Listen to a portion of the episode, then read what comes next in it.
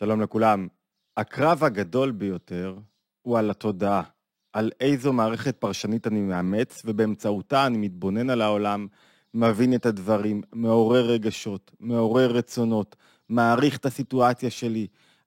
מי שמצליח לשנות את התודעה שלי, או להרכיב את המשקפיים שהוא רוצה, הוא בעצם שולט לי במערכת הפרשנית, ואם אני בוחרת את המערכת התודעתית שלי, אני שולט במערכת הפרשנית שלי.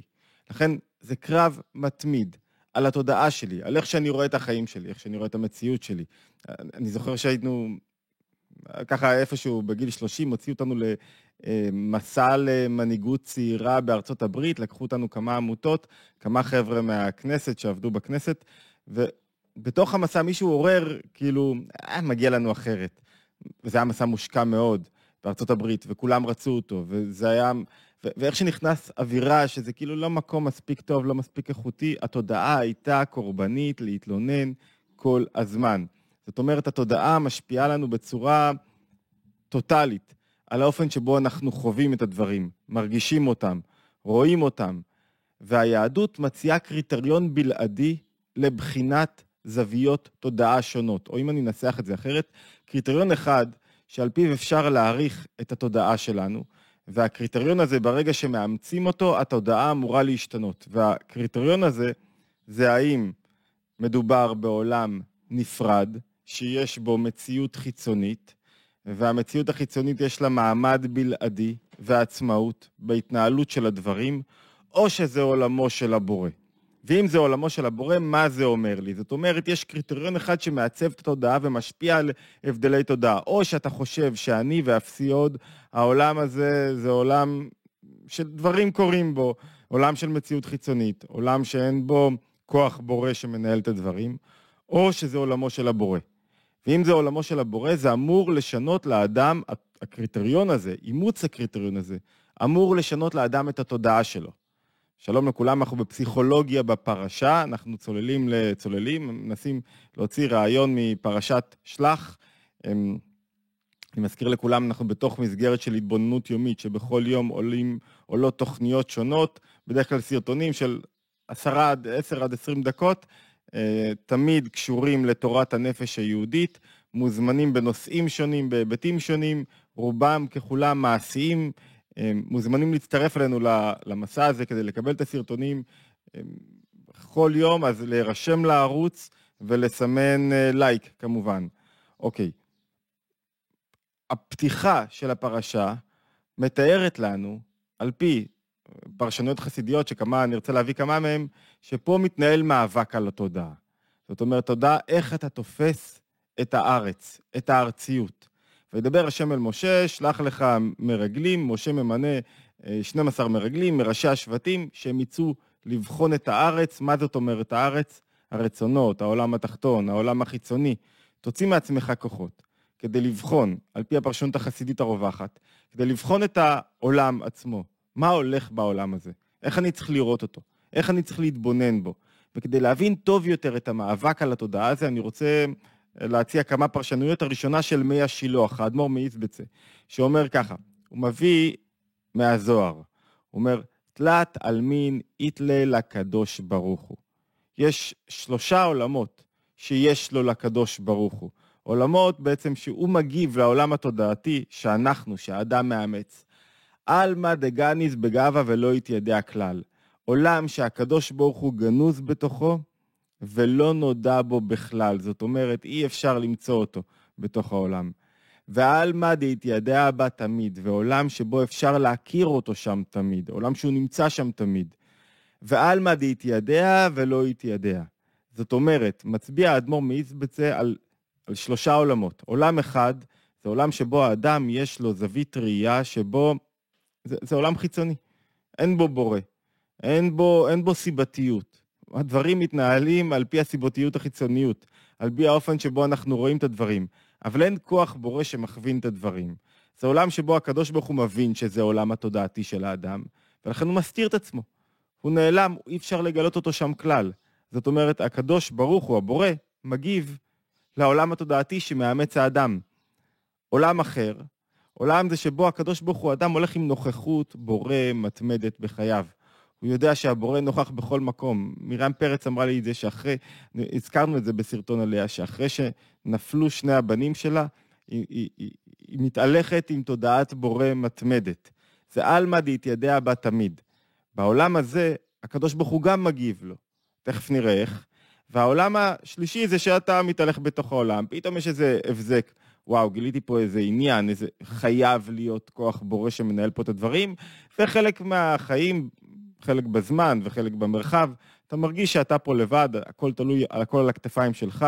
בכל פעם שאדם סובל מסטרס או חרדה, מה קורה לו בעצם? הוא מסלק את הבורא מעולמו. ולכן, זה רק הוא.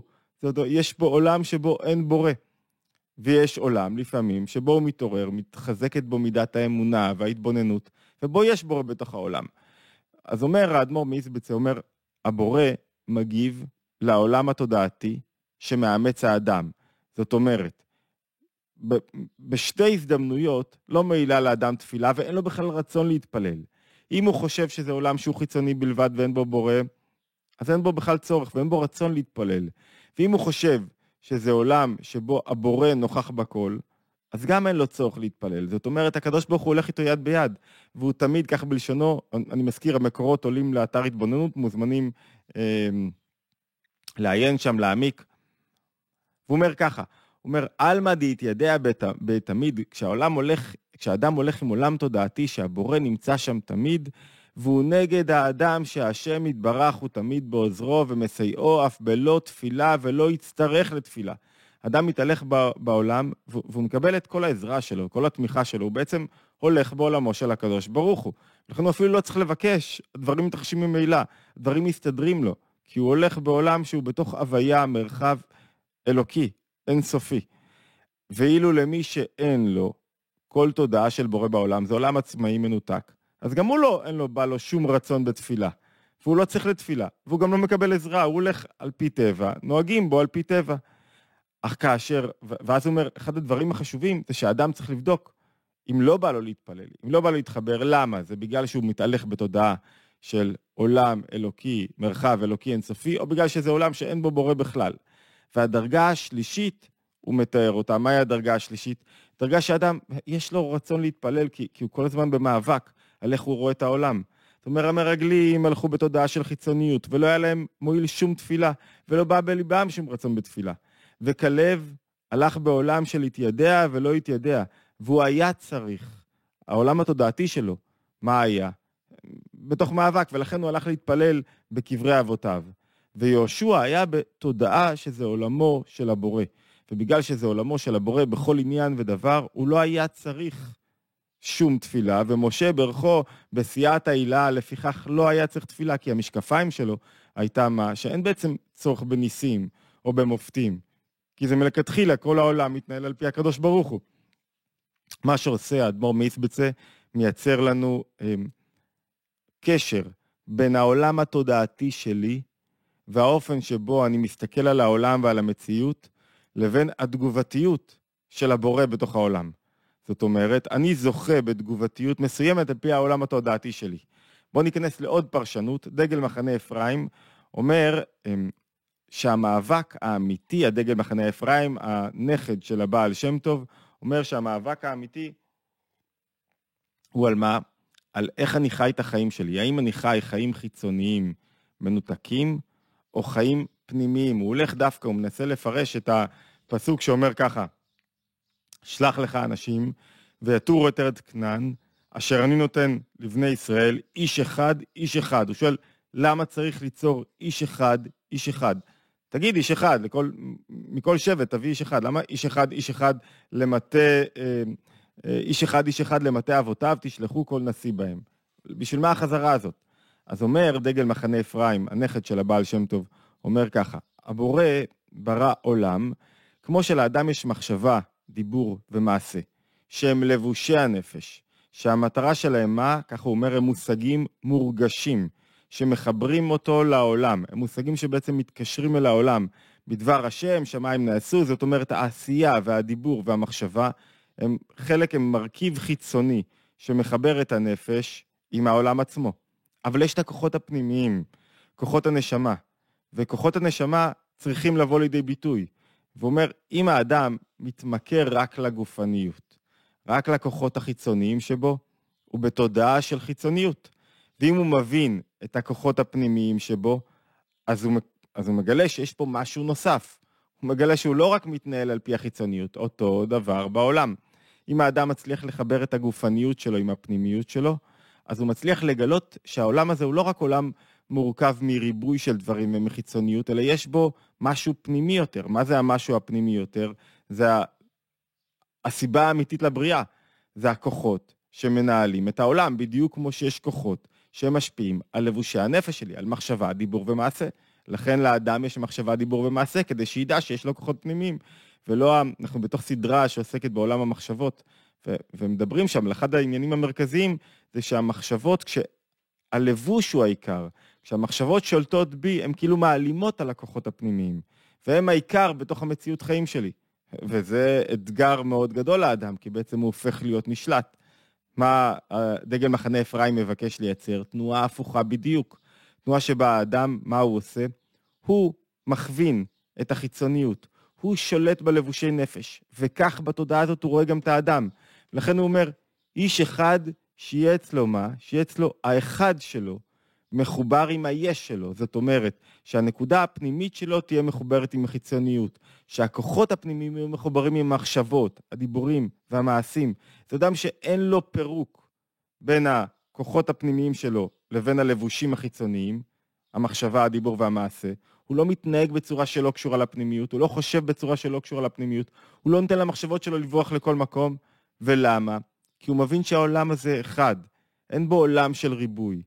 הוא יודע שזה גם מה שיציל אותו מבחינה רגשית, אבל החיבור הזה הוא השליחת המרגלים, זה כאילו אדם יושב, שולח כוחות לתוך העולם, ואומר, הכוחות הללו ייצגו אותי ולא ייפרדו מהתוכן הפנימי שלי.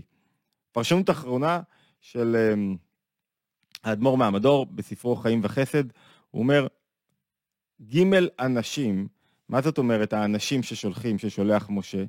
אנשים זה הדרגה התחתונה ביותר, זה הרגליים שנשלחות לטור את הארץ. מה זה הרגליים? הרגליים, הוא מדבר על המידות נצח, עוד, יסוד. המידות נצח, עוד, יסוד, מי שמכיר וקרא פעם בפתח אליהו, בקטע הקדמה לזוהר, הן מתוארות כרגליים, נצח ועוד, של האדם. ומה הכוונה רגליים? כי הן מנותקות ורחוקות מהשכל. זאת אומרת, הן חלק מהרגילות של האדם. הן כוחות נפשיים שמניעים אותי לנהוג באופן רגיל כזה או אחר. יש כוח גדול מאוד ברגילות, בשגרה, כי הוא עוזר לי להתגבר על מהמורות, לעמוד מול קשיים, להתמיד. אבל המטרה הגדולה, אומר האדמו"ר מהמדור, לחבר את ההרגל בחיים, את השגרה, לתוך הכוחות הפנימיים. כך הוא אומר, שלא תיקח את האנשים שהם נצח עוד יסוד לעצמך, אלא תחבר אותם פנימה, לבורא שלך, לכוחות הפנימיים, ואז תטור את ארץ כנען. מה זאת אומרת? תפתח את הקשר, את עצמך, תגלה בתוך עצמך את הכוחות הפנימיים שלך, וזהו כנען. כנען שתוכל להיות נכנע ולהכניע הגוף אל הבורא תחת רצונו. מה אומר לנו האדמו"ר מהמדור? פחות או יותר מה שהזכרנו אצל אה, מי השילוח ואצל אה, בעל דגל מחנה אפרים. הסכנה הגדולה בתודעה לא נכונה זה ניתוק בין עולם חיצוני לבין עולם פנימי. אנחנו רוצים לחבר את הפנימיות עם החיצוניות, שתודעה פנימית של איך שנראה העולם היא זאת שתשפיע לי על איך שאני מתנהל בעולם. כמובן, בהשקפה היהודית המטרה הזאת היא גם לגלות נוכחות בורא בתוך כל דבר ודבר. שלא יהיה עולם מתנותק, רשות נפרדת שמתנהלת בפני עצמה, ויש רשות פנימית, שזה חלק מהחיים שלי, ובאופנים מסוימים הדברים מתרחשים כך או אחרת. ובכל הפרשנויות המטרה היא ליצור חיבור. והמצווה, הפקודה או הציווי של הקדוש ברוך הוא למשה, שלח לך מרגלים, תוציא מתוך עצמך כוחות שיגלו את נקודת החיבור הזה ויחברו את החיצוניות עם הפנימיות, ואי אפשר שלא להזכיר פה את הפירוש המפורסם של אדמו"ר הזקן, שאומר שהמרגלים בעצם היו בדרגה רוחנית מאוד גבוהה.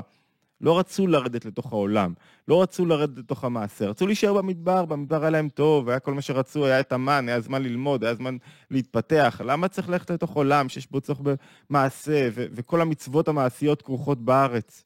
ואומר אדמו"ר הזקן שזה עיקר העבודה, לשלוח את הכוחות הפנימיים לתוך העולם, ושם, בעולם, לגלות את הפנימיות שלי, לגלות שזה לא עולם נפרד, שיש בו רשות נפרדת, אלא זה עולם אחד, שיש בו כוח בורא ויש בו נפש שמכוון את הדברים, והקישור הזה הוא תכלית המשימה שמטיל הקדוש ברוך הוא על משה, וזו המשימה של כל אדם ואדם, לבחון איך הוא מתבונן, באיזו תודעה הוא מסתכל על המציאות. מה התודעה שמעצבת לו את המציאות? האם תודעה של פירוד, של אני ואפסי עוד, או תודעה של חיבור? מזכיר התבוננות יומית, אחת לשבוע משתדלים לעלות על פרשת השבוע גם, על פסיכולוגיה בפרשה, מוזמנים להירשם לערוץ, לשתף וכמובן לייק, להשתמע בהתבוננות היומית הבאה.